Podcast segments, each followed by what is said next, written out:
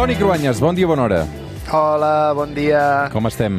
Doncs mira, tot el dia parlant de la coronació de Carles i de la Camila, vosaltres també, eh? Sí, ahir vaig veure el col·lapse també a TV3, eh, ampli desplegament aquestes últimes hores perquè realment eh, ens interessa la cosa, Toni. A veure, ens agraden, eh? Els reis de fora ens agraden molt, eh? Una bona desfilada, ben patriòtica, bandera, carrosses, corones, molta cerimònia i pompa. Una mica també, no sé si t'hi has fixat, de caspa, eh? També, eh, Toni, en alguns moments, eh, també pompa i caspa. Pompa i caspa, sí. Uh, aquest és l'himne clàssic de, de la pompa, segurament, um, i en aquest cas el, el Regne Unit, no? Sí, home, i tant, Elgar sempre sona en aquests casos. Eh, com que sembla que ja s'ha dit tot sobre la coronació, jo et proposo avui que capgirem una mica el tema. I en comptes de coronacions de reis, parlem de decapitacions de reis. Són reis a qui d'alguna manera eh, els han fet caure la corona.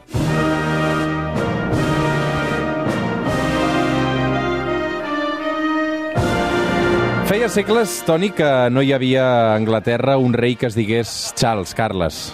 perquè abans de Carles III, el primer que portava el seu nom, Carles I, va ser l'únic rei anglès que va patir una revolució i, efectivament, el van decapitar. Això va 400 anys, eh?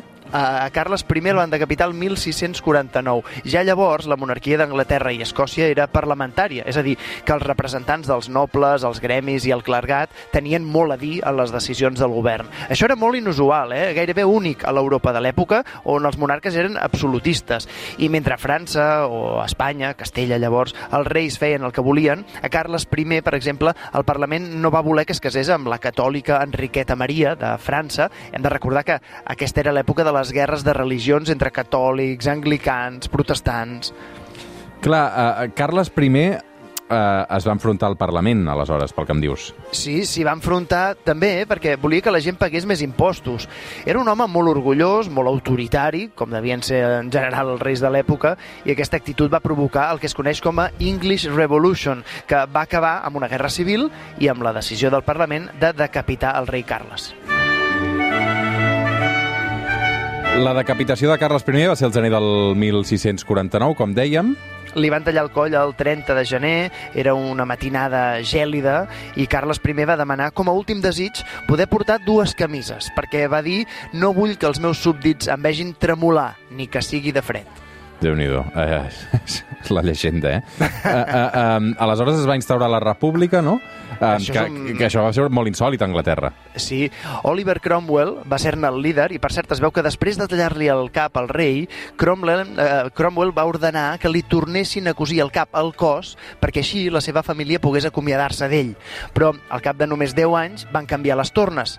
Cromwell es va convertir en un dictador, també despòtic, i Carles II, el fill de l'anterior rei, va saber aliar-se amb diversos capdills territorials. De fet, va aconseguir que el nomenessin eh, rei primer d'Escòcia, després d'Irlanda i finalment d'Anglaterra, i així els britànics van tornar a tenir un rei. I va ser poc després de la mort d'Oliver Cromwell. I saps què va fer Carles II? Va ordenar que desenterressin el cadàver de Cromwell i que li tallessin el cap, com a represàlia pel que havien fet al seu pare. I la revolució anglesa eh, va acabar d'una manera diferent de la francesa, tot i que els dos llocs eh, també van rodar caps. La Revolució Francesa va triomfar fins al punt que encara avui França és una república.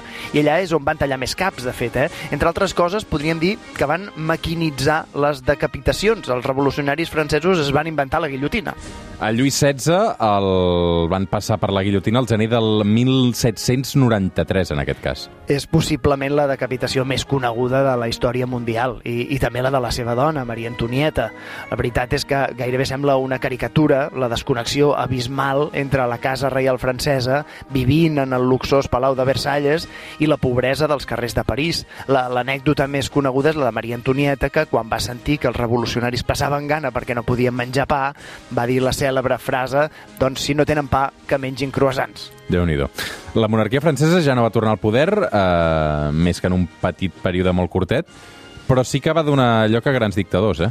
El més gran, Napoleó, això anys després, però el líder revolucionari per excel·lència, i ja tornem a la Revolució Francesa, va ser Robespierre. La violència associada a les purgues internes entre els revolucionaris va donar lloc al període que anomenem de terror, en què va morir més gent que durant el temps de la Revolució. I per cert que Robespierre també va acabar morint decapitat. Follow the kings, had their queens on the throne. We were pop A Anglaterra tenen ja nou rei, coronat. Uh, nosaltres arribem avui a les 9 del matí amb una cançó de Reis i Reines, Kings and Queens, de Ava Max. Uh, Home, Kings and Queens, Reis i Reina, que la Camila també la tenim col·locada, eh? Sí, efectivament. Uh, doncs uh, cançó discotequera per les 9 del matí. Una abraçada, Toni. bon diumenge.